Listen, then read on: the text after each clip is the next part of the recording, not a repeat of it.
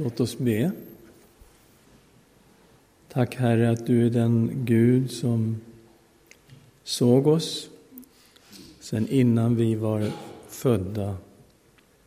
Du har följt oss i livet och du följer oss i livet. Vi tackar dig för det perspektiv som du har på våra liv. Och vi ber att du ska tala till oss idag från ditt ord. I Jesu namn. Amen.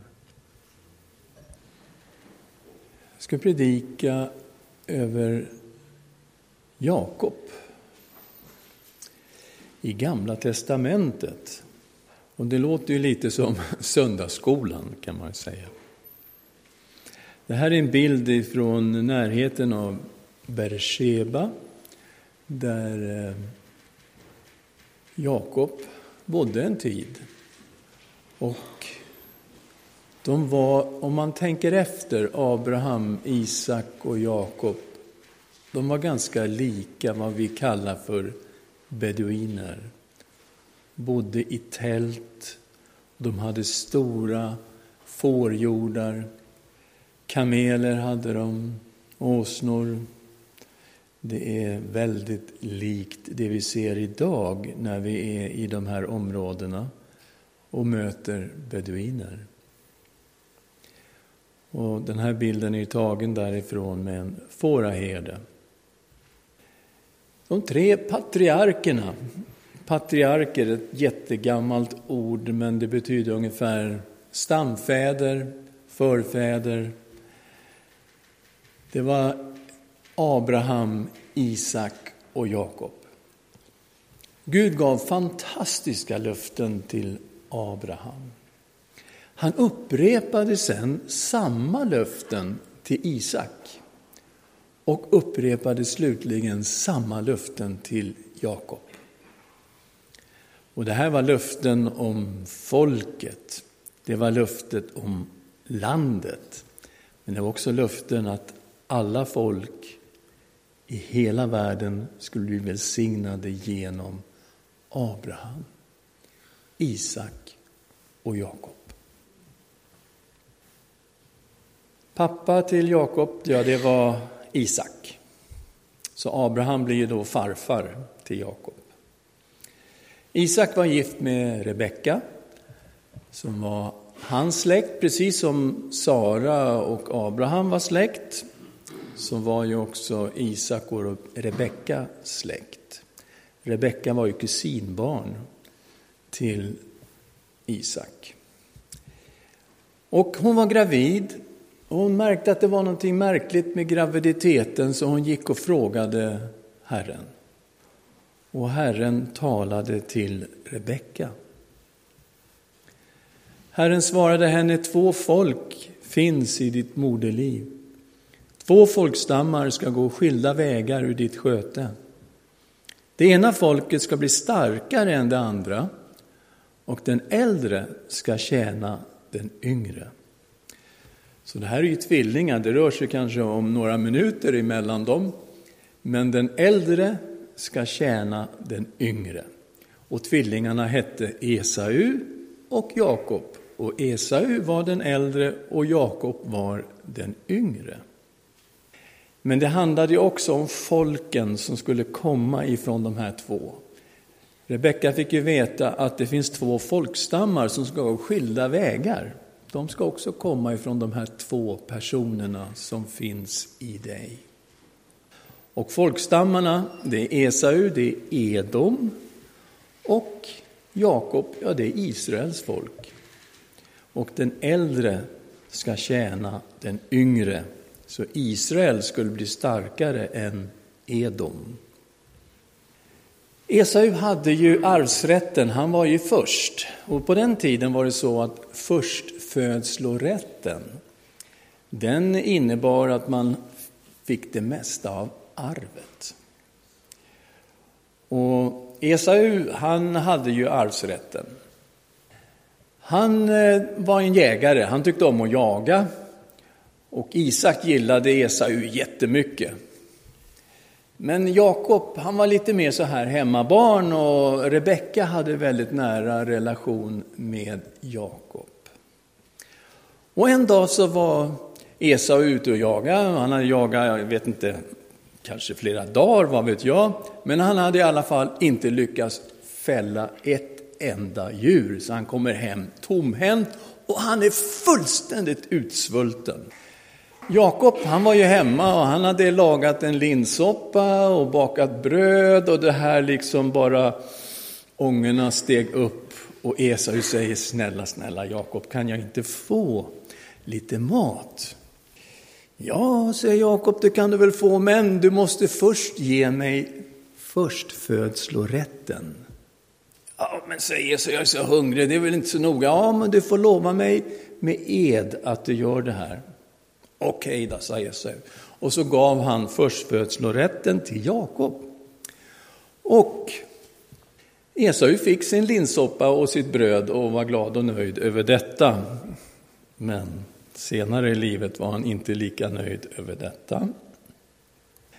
Jakob lurade också till sig välsignelsen från Isak. Isak hade börjat bli gammal nu. Han, hans syn var dålig, men hans luktsinne var bra och hörseln var också bra. Men han såg nästan ingenting. Och Isak han sa till Esau, hörru, nu, nu vill jag ge dig välsignelsen. Du är ju äldste sonen. Jag vill välsigna dig med profetiska ord. Och jag vill att du går ut och jagar och kommer hem med ett villebråd och så lagar du till den här maten och så ska vi äta tillsammans och jag ska välsigna dig. Ja. Esau stack iväg och började leta efter någon han kunde jaga så här då, något djur någonstans. Och det där hörde Rebecka. Och hon tog tag i hela situationen. Hon skyndade sig att laga en favoritmiddag till Isak och så säger hon till Jakob att eh, du ska gå in med den här middagen till Isak och du ska få välsignelsen istället för Esau. Ja, säger Jakob, men liksom det här går väl inte? Jo, men det här ordnar jag, säger Rebecka. Här, häng på dig Esaus rock här, så att du luktar precis som han gör. Det finns en speciell doft här i Esaus rock. Den ska du ha på dig. Ja. Sen var Esau väldigt luden, så här långhårig överallt. Så tog hon långhårig skinn och satte på halsen och på händerna på Jakob. Och så säger hon nu till Jakob, nu ska du gå in och ska du få den här välsignelsen. Ja. Jakob lite ängslig så här, så han går in och säger, här är det nu det här. Jaha, vem är du? säger Isak, du låter precis som Jakob. Nej då, jag är Esau, låtsas han då. Och ja, det luktade ju faktiskt Esau om han. Och han var ju luden så att säga, men rösten lät ju precis som Jakobs röst. Och ni ser ju vilket bedrägeri som pågår här. Så här står det i skriften. När han då gick fram och kysste honom kände han lukten av hans kläder.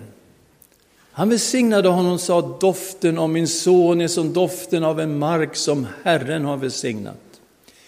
Gud ska ge dig av himlens dagg och av jordens fruktbarhet, säd och vin i riklig mängd. Folk ska tjäna dig och folkslag falla ner för dig. Var en herre över dina bröder. Din mors söner ska falla ner för dig. Förbannade den som förbannar dig och välsigna den som välsignar dig. Oj, vilken välsignelse. Ja, det dröjde inte så jättelänge för en eh, Esau kommer hem. Han har fällt någon hjort eller någonting då och så lagar han till den här och så går han in till Isak och så säger han då att eh, ja, nu är jag här. säger Isak, men vem var han som kom hit och fick välsignelsen? Så börjar både Isak och Esau förstå att Jakob har ju lurat honom och lurat till sig välsignelsen. Och Esau säger, han lurade först till sig förstfödslorätten och nu har han lurat till sig välsignelsen. Har du ingenting att ge mig? Ja, han får en ynklig liten välsignelse. Man får veta att han ska bo i torra ökentrakter och, och det, ja, det var inte mycket med det som Esau fick.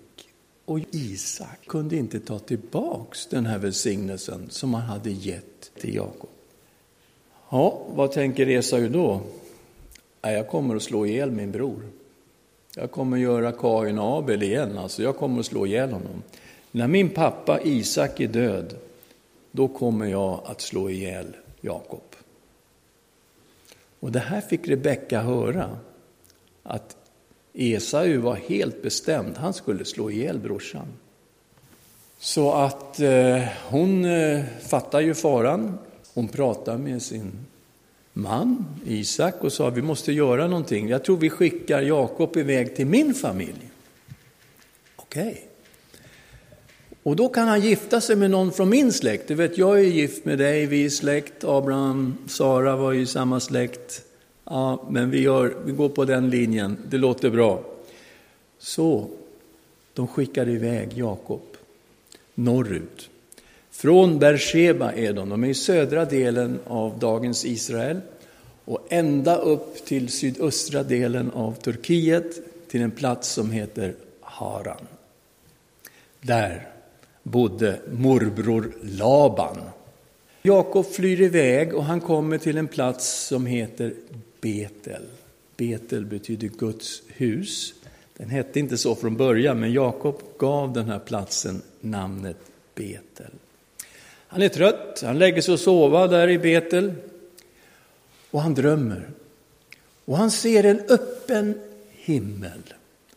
Och han ser en stege som är rest mellan jorden och himlen. Och han ser änglar som är på den här stegen och går upp och ner på den här stegen. Och så ser han Herren och så talar Gud till Jakob. Jag är Herren, din far Abrahams Gud och Isaks Gud. Det land där du ligger ska jag ge åt dig och dina efterkommande. Din avkomma ska bli som stoftet på jorden. Och du ska utbreda dig åt väster och öster, norr och söder. Genom dig och din avkomma ska jordens alla släkten bli välsignade. Och se, jag är med dig och ska bevara dig vart än du går. Och jag ska föra dig tillbaka till detta land. Jag ska inte överge dig förrän jag har gjort vad jag lovat dig. Så här kommer upprepningen av löftet som Gud hade gett till Abraham och Isak. Nu ger han samma löfte till Jakob.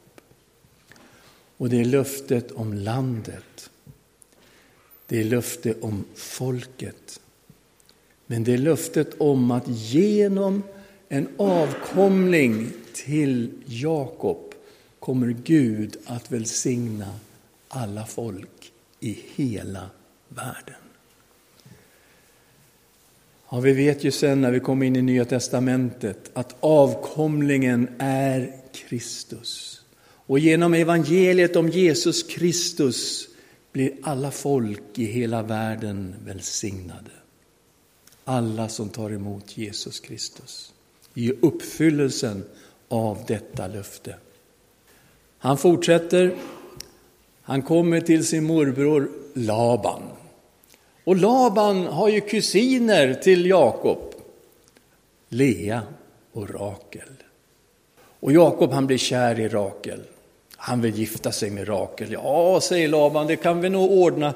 Men eh, du måste jobba i sju år, sen kan du få gifta dig. Okej, okay. han jobbar i sju år. Det är dags för bröllop. På bröllopsnatten så tar Laban och byter ut Rakel mot Lea. Så han gifter sig med syrran. Och Jakob säger på morgonen, vad har du gjort? Du har ju lurat mig. Ja, men vet, vi, vi måste först gifta bort den äldsta. Så är det hos oss. Ja. Hur blir det med Rakel? Ja, du kan få gifta dig med henne också. Så att det går en vecka och sen får han gifta sig med Rakel. Men du måste jobba sju år till. Okej, okay. han får jobba i 14 år för att få Lea och Rakel. Och till slut så får han elva söner och en dotter. Ja, han jobbar där i 20 år hos Laban. Och han lyckas få en lön och det är att alla de här fläckiga fåren och getterna, de ska han ha. De som är strimliga och har en speciell teckning på pälsen, de tillhör Jakob. Och han var lite smart och han lite lurig, som vanligt, Jakob. Så han lyckades få jättestora jordar. Fantastiskt rik blev han på väldigt kort tid. Sen efter 20 år så tar han sig iväg ifrån Laban efter ganska stora problem, men han lyckas ändå komma iväg ifrån Laban. Och vad är det som ska möta honom? Esau. Esau hade ju bestämt att han skulle döda sin bror Jakob. Och nu skulle han bli tvungen att möta honom öga mot öga. Han närmar sig det här området där Esau finns. Han går över en liten bäck, en liten flod så här, som heter Jabok. Och han skickar delegater iväg till Esau och säger nu, nu, nu kommer din bror Jakob. Och han säger att han är din tjänare. Ja. Delegaterna kommer tillbaka och säger, ja, Esau är på väg hit. Han kommer med 400 man. Jakob blir jätterädd. Han tänker, nu kommer han att slå ihjäl mig. Han kommer att slå ihjäl mina fruar. Han kommer att slå ihjäl mina barn. Han kommer att dräpa hela familjen. Så vad gör han? Ja, han skickar gåvor. Han delar upp, han har ju jättestora får och jordar och getter och kameler och åsnor. Han skickar iväg ganska mycket kameler, ganska mycket åsnor, ganska mycket får, ganska mycket getter, delar upp det här i portioner och så går de här framför, han skickar en herde med dem så de för dem fram och möter Esau som kommer där med sina 400 man. Han tänker det här är försoningsgåvor. Kanske jag kan bli vän, försonad med Esau igen. Så han inte slår ihjäl oss allihopa. Han är väldigt rädd för sin bror Esau. Och i den här desperata situationen så ber han. Har ni varit i en desperat situation någon gång? Har ni ropat till Herren? Visst, det här Jakob, han är jätterädd. Han vet vad, precis vad som kan hända. Han ber, Herre min far Abrahams Gud, min far Isaks Gud. Herre, du som sa till mig, vänd tillbaka till ditt land och till din släkt, så ska jag göra dig gott. Jag är inte värdig all den nåd och trofasthet som du har visat din tjänare. När jag gick över denna Jordan hade jag inte mer än min stav, och nu har jag blivit två skaror. Rädda mig från min bror Esaus hand. För jag är rädd att han kommer och dödar mig och mödrarna och barnen. Du har själv sagt, jag ska göra dig mycket gott och låta dina efterkommande bli som havets sand, omöjliga att räkna. Han är desperat, han är förtvivlad, han är rädd. Tror ni att Gud svarar på den här bönen? Tror ni det?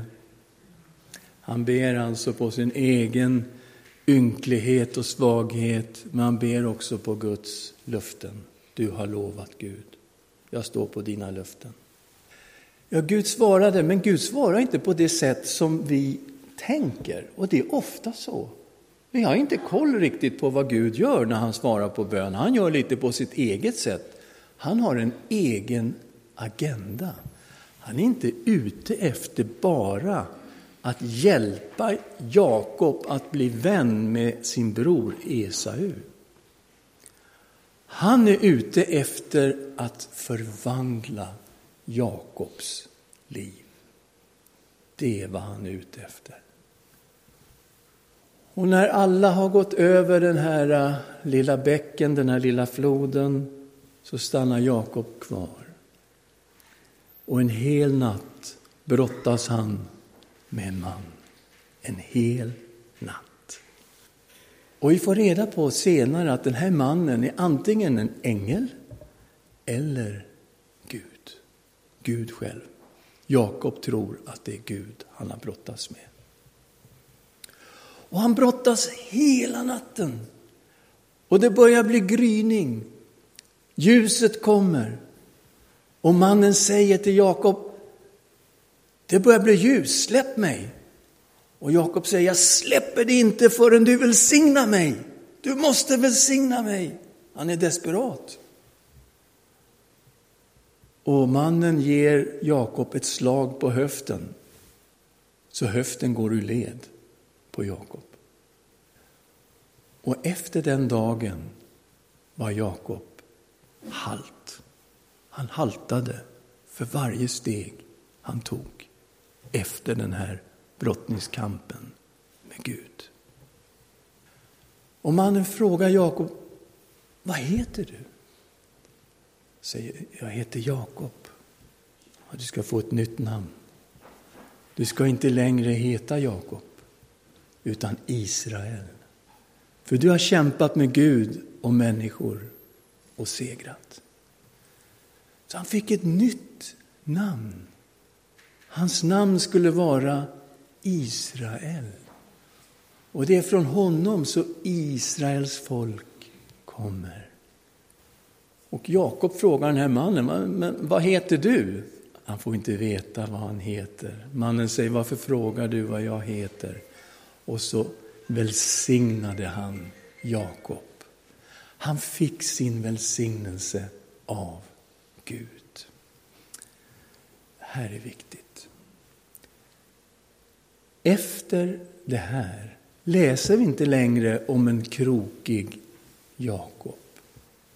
En som lurade. Han blev förvandlad av det här personliga mötet med Gud.